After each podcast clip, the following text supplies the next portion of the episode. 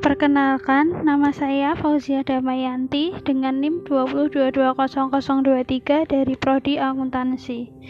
Saya akan membacakan rangkuman materi topik 7 yaitu Teknologi Informasi. Pertama, saya akan mendeskripsikan tentang paradoks produktivitas. Paradoks produktivitas adalah suatu fenomena ketidakseimbangan antara besar investasi yang dikeluarkan dengan peningkatan output produk atau layanan secara signifikan.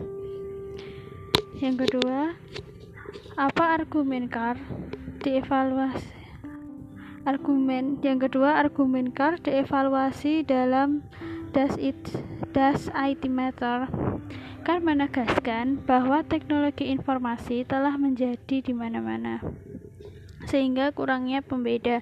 Dengan kata lain, teknologi informasi tersedia dengan sangat mudah dan perangkat lunak yang digunakan dengan mudah ditiru. Bisnis tidak dapat berharap untuk mengimplementasikan alat untuk memberikan keunggulan kompetitif. Carl menyarankan bahwa IT pada dasarnya adalah komoditas yang harus dikelola.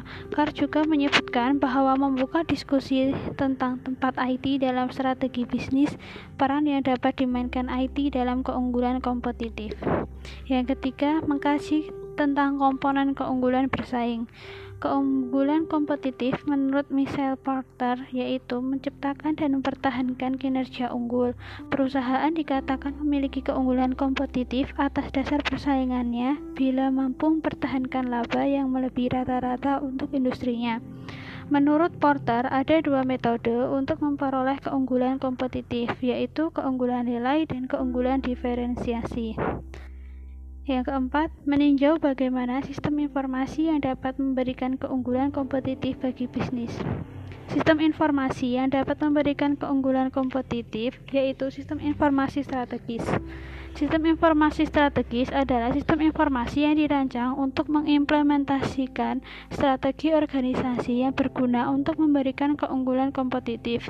Salah satu yang mencoba melakukan sistem informasi strategis seperti mengirimkan produk atau layanan dengan biaya lebih rendah, mengirimkan produk atau layanan yang dibedakan, membantu organisasi fokus pada segmen pasar tertentu, dan, me dan memungkinkan adanya inovasi. Sekian rangkuman dari saya. Apabila ada kesalahan, saya mohon maaf. Terima kasih.